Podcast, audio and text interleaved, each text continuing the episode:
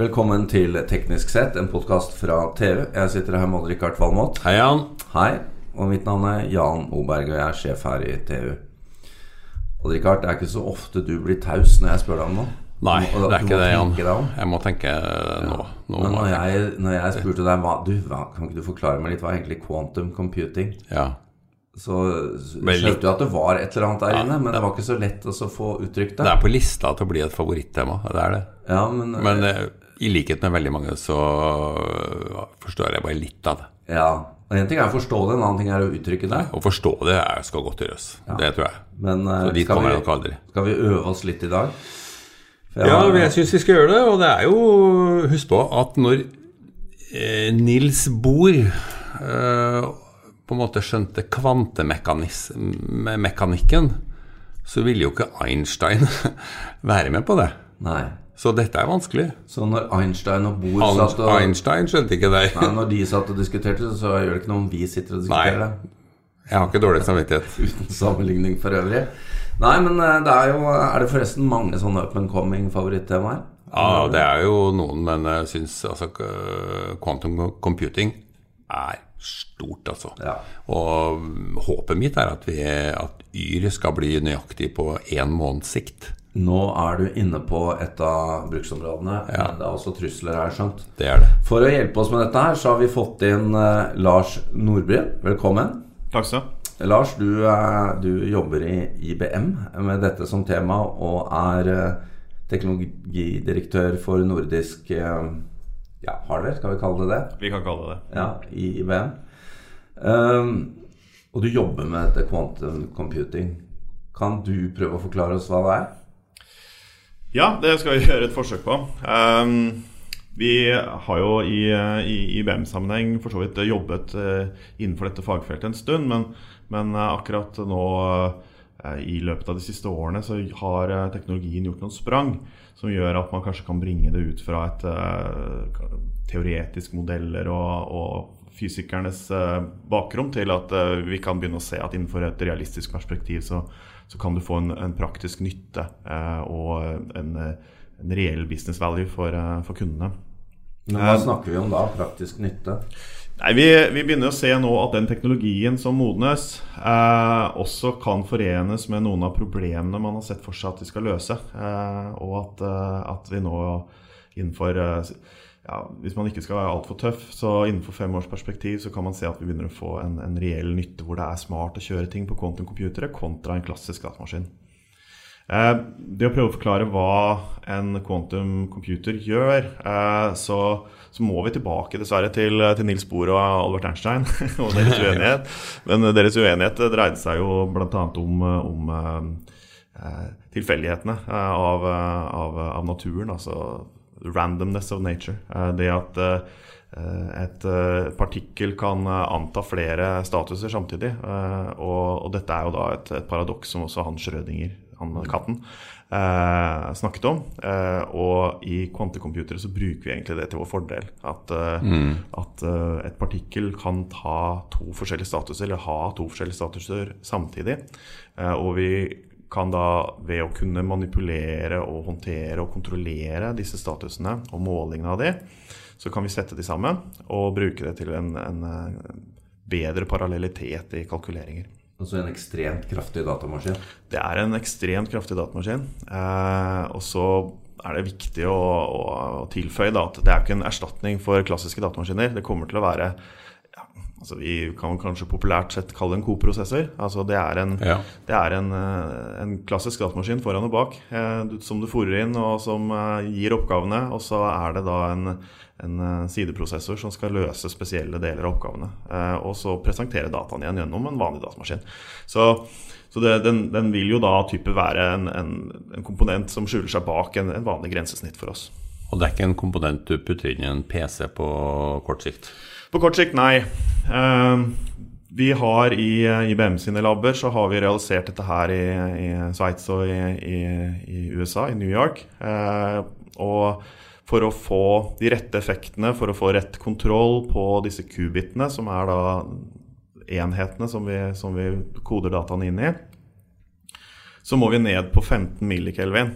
Eh, Det er ganske kaldt. Eh, det er kaldere enn i de ytre rom.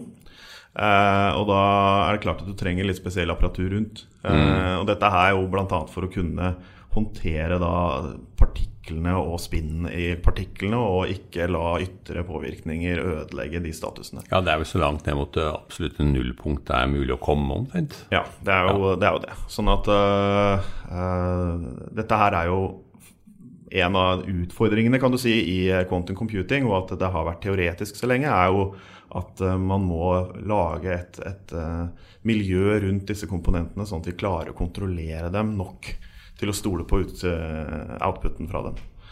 Eh, Og det er jo der utviklingen også skjer. Hvordan skal vi kunne realisere komponenten i første omgang? Hvordan skal vi skalere den?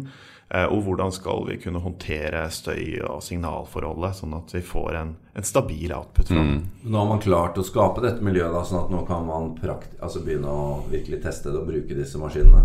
Ja, vi har, eh, vi har eh, IBM har jo gått så langt nå at vi har lagt ut på, på nett, så det er mulig for, for, for, for menigmann å registrere seg og kjøre algoritmer direkte på en ekte kontummaskin.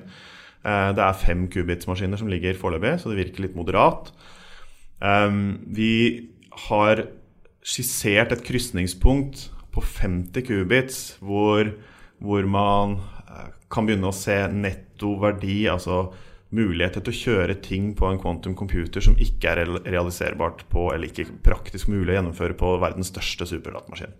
Hva snakker vi om i tid før vi kommer til det? tror du? Og, og det er et langt svar, men vi har realisert allerede en 50 kubits maskin, Men der har man eh, kan si, støyforhold som gjør at, eh, at vi, vi er innenfor en kategori quantum machines eh, som vi sier er approximate. Altså de er Du du tør ikke stole helt på utkommet? Nei, du legger en del kontroll av eh, støy, altså kontroll av feilkilder og sånt inn i algoritmen etterpå. Og, og det er jo i den modningsprosessen at, eh, at vi, vi ser at vi kan løse noen oppgaver med approximate eh, quantum computers, og så må vi over i fault tolerant eh, quantum computers for å løse de, liksom de store gåtene. Vi har snakket om, om sikkerhetsutfordringer rundt knekking av store krypteringsnøkler osv. Da er vi over i måte, det neste segmentet med quantum computere. Det er noe lenger fram i tid, men, men, men det er jo på dette roadmapet vi er. Sånn at vi opererer mer enn å bare telle antall qubits i en quantum computer, så, så ser vi på det vi kaller quantum volume, som handler om ja, antall qubits i et, eh, i et, eh, et system, men også eh, støy, eh, støyaspektet. Så jeg ser jo for meg at NSA er ivrig på å få en sånn etter hvert. Ja, og det vet jo verken du eller jeg noen ting om, selvfølgelig. Nei. Eh, Nei. Så det forskes sikkert på dette her som ikke publiseres så mye, men, men innenfor de sivile formålene så, så er det også ganske mange interessante use caser som vi ser for oss å løse.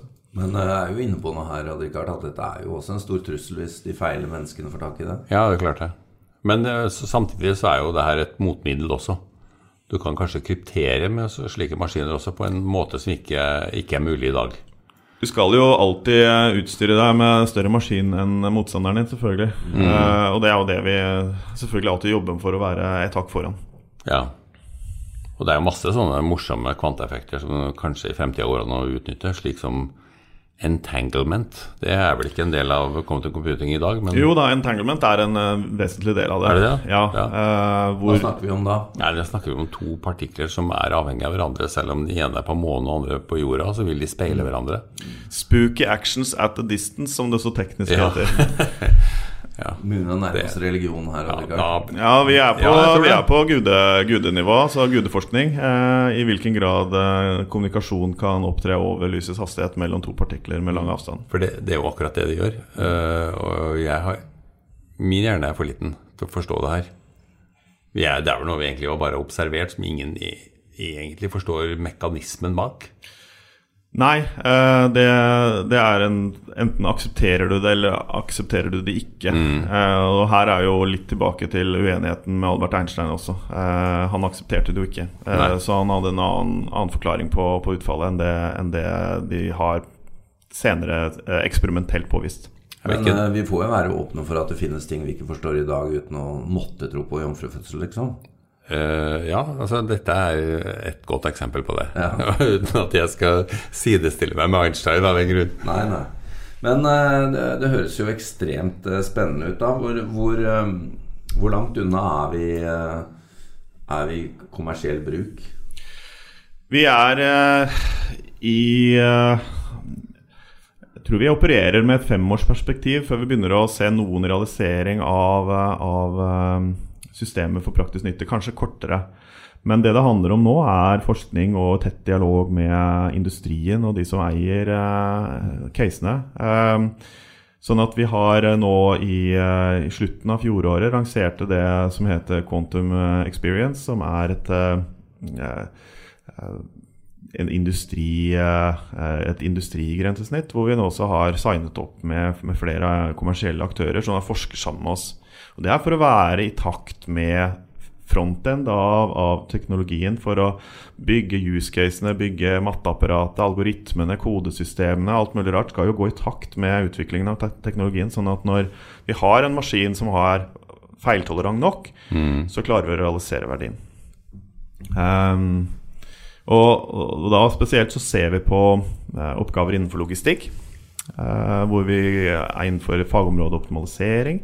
Det å kunne finne mest mulig optimale eh, kombinasjoner av, av, eh, av, mange faktorer. Mm. Det er jo der vi trenger stor parallellitet på beregning. Um, ja, så da kan, da kan store logistikkoppgaver f.eks. løses on the fly, eh, og ikke kjøre Ja, du, du, trenger ikke å regne deg gjennom hver enkelt kombinasjon, men du kan reise, regne flere kombinasjoner samtidig. samtidig. Jf. det jeg sa om at kan, hver kubit kan ha flere verdier samtidig. Ja. Mm. Eh, på den andre siden så kan vi se på ren sånn eh, analoge betraktninger, altså partikkelbetraktninger. Eh, du skal jo ikke lenger opp en, en 40-50 eh, elementærpartikler i et, eh, i et, eh, molekyl før du ikke praktisk klarer å, å simulere det. Og da er jo quantum computere er jo i all hovedsak en, en analog maskin. Du gjør en utlesing og en innlesing binært, men, men du, har, du, har, en analog representering innenfor hver enkelt kubit. Mm. Uh, og noen av disse grunnleggerne av quantum computing som fag, de, de så jo spesielt dette her med molekylær uh, simulering som en, en, vesentlig del av, av, det. Vi ser jo en sånn eksperimentell påvisning i dag, at, at, vi ikke klarer å regne riktig. Så dette kan bli en revolusjon for materialteknologi og kjemi og ja, altså Det er mange gode use caser på dette her. Altså vi, vi, vi, kan jo se hvor mye krever ikke eh, produksjon av eh, flytende ammoniakk av eh, elektrisk kraft på jorda i dag. Mm. Eh, og Det er en prosess vi ikke forstår.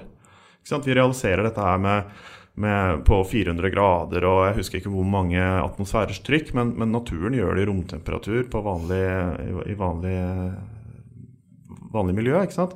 Eh, hvorfor? Nei, det, vi er litt usikre på hvordan naturen klarer dette. Og det, mm. dette, er jo, dette er jo direkte nyttig sånn i økonomisk sammenheng å forstå sånne prosesser bedre. Mm. Så nå har vi to igjen. Vi har altså entanglement, og så har vi ammoniakkproduksjon av naturen. Så ja. nå har vi to sånne godly Fenomen. Ja. Det med jomfrufødsel, den tar vi en annen gang. Ja, det, vi, vi jobber med det, men det er på det tiårsperspektivet, da. Det er lettere. Det er, um, nei, det er jo ekstremt spennende, og uh, det er jo imponerende også med Må jo si det, Odd Rikard. Vi har jo vært uh, på et av disse IBM-forskningssentrene i Almeden utenfor San Jose, California. Mm. Hvor bre stor bredde det er på forskningen som foregår på disse sentrene. Her er jo IBM igjen da, inne på Quantic computing. Um, hva tror du Odd Rikard, om fremtiden for dette her? Jeg tror at dette er, ja, som du sier, dette er noe som kommer i tillegg til vanlig databehandling i løpet av en eh, femårsperiode. Uh, og så vil det gå sakte i begynnelsen, og så vil det bli veldig mainstream i løpet av 10-15 år. Hvor, hvor, viktig er det for, eh, for å si, fremveksten av augmented reality og Watson og kognitive systemer og sånt, Lars? Nei, jeg tror jo at uh på samme måte som vi har gode historier på hvordan vi, vi kan eh, utfordre logistikkoppgaver og, og molekylær uh, simulering, så, så, vil også dette her med å, å komme raskere til mer presisjon på uh, deep learning-algoritmer og, og, modeller, nevrale mm. uh, vil jo dette være en effektiv akselerator på den siden. Da. Ja, det er vel kanskje en, det å, Hvis vi skal, noen gang skal klare å lage en, en ekte kunstig intelligens, så tror jeg det her kan bli et uh, Du må ha med det sånn. Uh, ja, må, må nødvendigvis ikke, men det blir lettere. Mm. Naturen er jo kvantemekanisk, ja, sånn at uh, du må kanskje være kvantemekanisk for å lage en ordentlig simulering av naturen. Mm. Utrolig spennende. Jeg tror, eh, som vi ofte gjør, vi får bare invitere Lars tilbake når, eh, for en ny oppdatering. Når, når tror du det bør være, Lars? Skal, satser vi på et år, eller må du ha lengre tid? Jeg tror eh, det skjer nok ganske mye i løpet av neste året, Ja. gitt eh, hvor mye som har skjedd det siste året. Ja. Ja. Og når får værmeldinga kvantemekanisk beregning i bånn? Eh, Det tør jeg ikke å svare på. Men jeg tror vi da har kanskje noe lengre, lengre perspektiv. Ja. Har du hatt dårlig vær i det siste? Rikard? Eh, det, jeg må vel svare ja på det. Ja, ok. Det kan Det snødde i Barcelona i forrige uke. Vet du hva? Tusen takk, Lars Nordbyen. Dette var superspennende. Og Rikard, vi får plukke opp et par av disse temaene videre. Det må vi gjøre. Takk for nå.